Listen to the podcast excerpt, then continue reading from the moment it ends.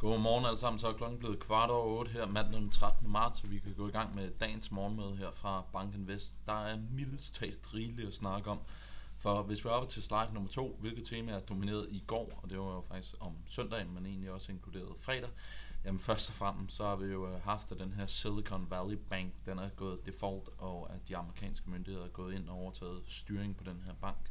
De er faktisk ikke engang stoppet der. De er også gået over til den, der hedder Signature Bank i New York, som også er blevet lukket ned, hvor igen de federale myndigheder de er gået ind og overtaget styringen. Vi har set en lang række tiltag over weekenden, som ligesom forsøger at dæmme op for den her meget negative risikovillighed, som vi så i i fredags, og den her usikkerhed om, hvorvidt øh, kunderne i de her to banker kommer til at få deres penge øh, tilbage. Det vi kan se nu, jamen, det er, at der bliver meldt ud, at indskud i de her banker, de er sikret. Selv hvis du er op over de her 250.000 dollar, som i den føderale lovgivning er det eneste, som du rent faktisk er garanteret.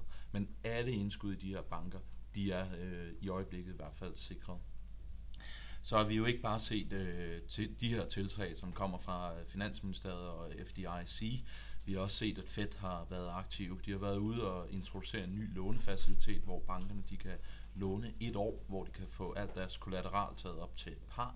Og det er jo en fordel, hvis du ligger med en masse stater, som ligger under kurs 100, at du så kan komme op i øh, Fed og begynde at låne til ja, par på dem. Så det bør jeg altså alt andet lige være med til at stabilisere de finansielle markeder og mindske i hvert fald noget af den her frygt for, at der er flere banker, som kommer under de her bankruns, som det så skete i fredags på Silicon Valley og den her Signature Bank.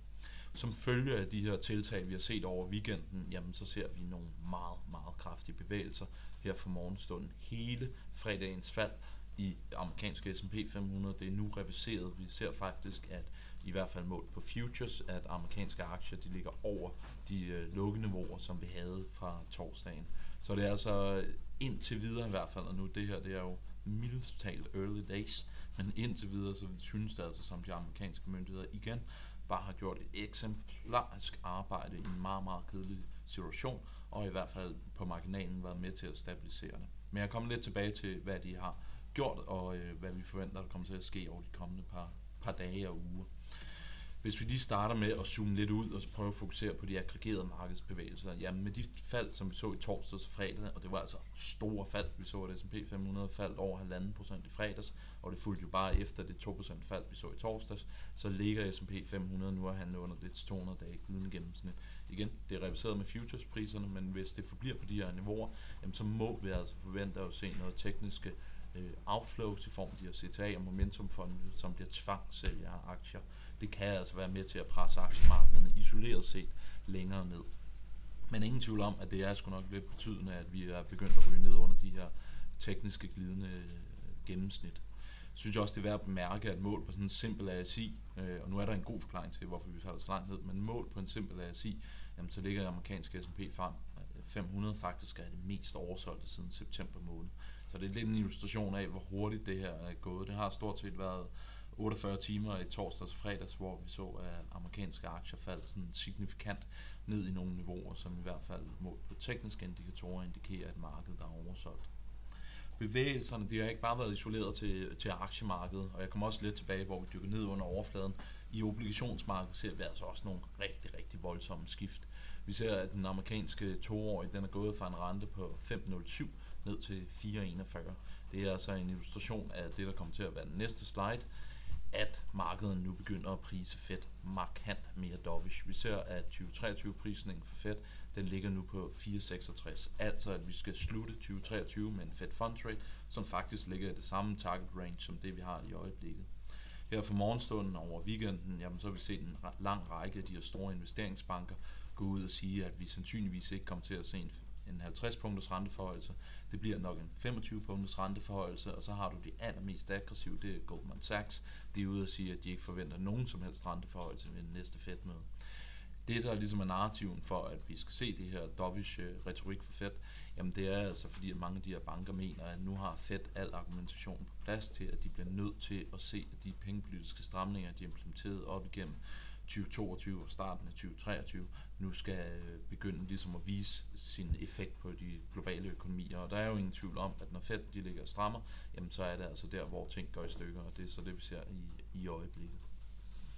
dykker vi lidt ned under overfladen på aktiemarkedet, jamen så var det altså en dag, hvor vi havde en relativt kraftig defensiv rotation. Vi så low vol aktier og defensive aktier, det havde de bedste afkast, de lå begge to nede, men det var altså et højere afkast end det, som du oplevede, hvis du havde købt cykliske aktier eller value for eksempel. Small cap aktier, jamen det var klart det segment, der havde den, det mest negative afkast øh, her i fredags. Så er den her Fed-graf kommet med to gange, så vi hopper direkte videre til slide nummer 9. Spørgsmålet, som mange stiller sig her nu i øjeblikket, det er, om Fed de har strammet så meget, at nu begynder ting altså at gå i, i stykker. Som sagt, det der er blevet lavet her på marginalen eller over weekenden, det er et indskud i de her banker, de er sikret, uanset størrelsen på dem. Så har vi fået en etårig lånefacilitet, som jeg snakkede lidt om. Vi har faktisk også fået en lempelse i de lånefaciliteter, der ligger i discountvinduet for Fed.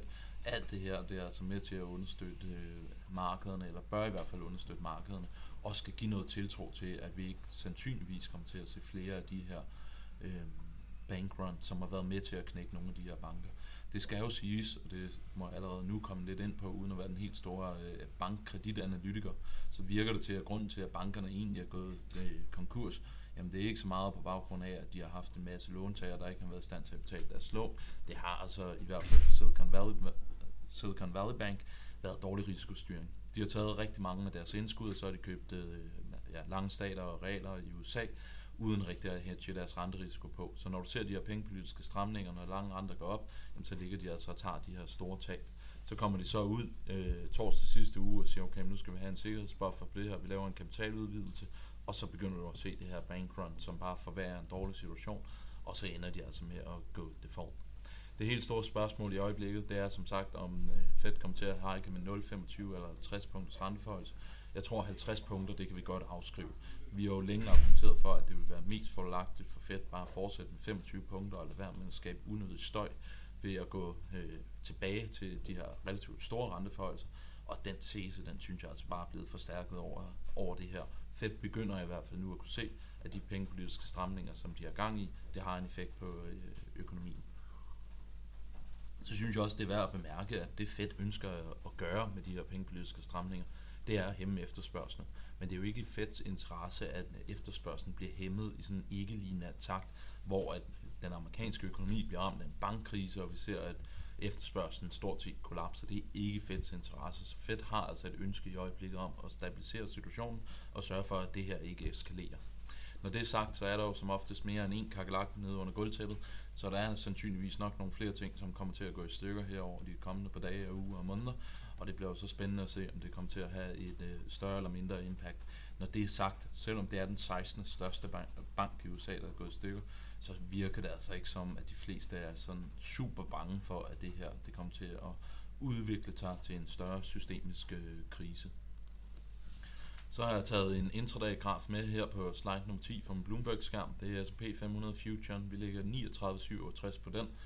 Øh, nu er vi faldet lidt tilbage, mens jeg står og snakker, men det er altså stadigvæk i en markedsopgang, som fuldstændig reverserer den bevægelse, som vi var vidne til op igennem øh, fredagen. Så i hvert fald på marginalen, så har vi altså fået stabiliseret lidt her, og markederne tolker altså de her både forventningen om, at Fed ligesom tager foden af bremsen, men også de her tiltag for at sikre indskuddet som værende positive. Nu bliver det jo sandsynligvis meget, meget spændende at se, hvordan vi ligesom starter op i dag, og så skal vi altså også huske på, at vi i morgen har et inflationstal, som i den grad kan komme til at sætte Fed i en svær position. Hvis inflationstallet er højt, jamen, så vil der være pres for, at de fortsætter med at stramme pengepolitikken, og det kan altså skabe noget volatilitet. Omvendt, hvis inflationstallet bliver lavt, og nu er der jo altså nogle af de her rigtig høje inflationstal fra sidste forår, som begynder at forsvinde ud af tallene. Hvis inflationen bliver lav, jamen, så må vi altså forvente et opadgående pres på rentemarkedet. Men vi må altså samlet set forvente relativt stor volatilitet over de kommende par dage. Så fik vi jo, øh, det skal jeg jo også skynde mig at sige, vi fik jo også en arbejdsmarkedsrapport i, i fredags. Det var lidt svært at sige, om den blev tolket dovish eller hawkish af markederne tak med, den lå og kom ud stort set samtidig med alt det her øh, spektakel, vi så ud af Silicon Valley Bank. Det vi kan konstatere, det er, at arbejdsløshedsraten den steg til 3,6. Beskæftigelsen isoleret set, den var relativt stærk, men løninflationen den var på vej ned helt på marginalen, og igen, det er altså meget svært at tolke på sådan et tal, samtidig med, at man har en amerikansk bankkrise, men helt på marginalen, så opfattede jeg i hvert fald, at markedet tolkede den sådan relativt dovish, altså at den ikke lægger yderligere pres på Fed for at stramme pengepolitikken. Og ser vi på lønningerne, slide nummer 12, jamen, så har jeg taget Atlanta Fed Median Wage Growth med.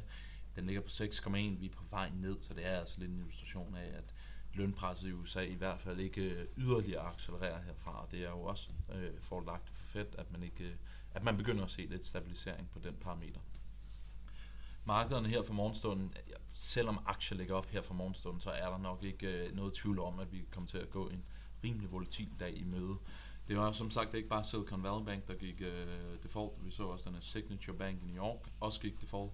Som en øh, sjov kuriositet, så kan vi bemærke, at en af medforfatterne til Dodd-Frank lovgivningen i USA, han var bestyrelsesmedlem i den bank. Han var ude at sige, at banken isoleret set var solvent nok, men at den blev ramt af et likviditetspres, og det var derfor, at de føderale myndigheder gik ind og lukkede den ned. Det store spørgsmål er, om vi kommer til at se yderligere banker under pres. Der er nok ingen tvivl om, at øh, det kan vi gå og spekulere herover over den kommende måned. Indtil videre så burde der altså være forstand, eller hvad hedder det, sådan, foranstaltninger på plads, som i hvert fald øh, kan begynde at stabilisere det en, en lille bit smule. Det kan man i hvert fald håbe på. Som sagt, CPI-printet i morgen, det bliver vigtigt. Så har vi jo også alle de her rentemøder, som begynder at komme ind den her uge og næste uge. Og så tror jeg, at vi skal have et ekstremt stort fokus på de her tekniske niveauer. Om S&P 500 holder det 200 dage glidende gennemsnit, det kan man grine og græde af. Men det har altså sandsynligvis i det her meget usikre miljø en relativt stor øh, betydning. Med disse ord, jamen, så ønsker jeg alle sammen en rigtig god start på ugen, og held og lykke på de finansielle markeder.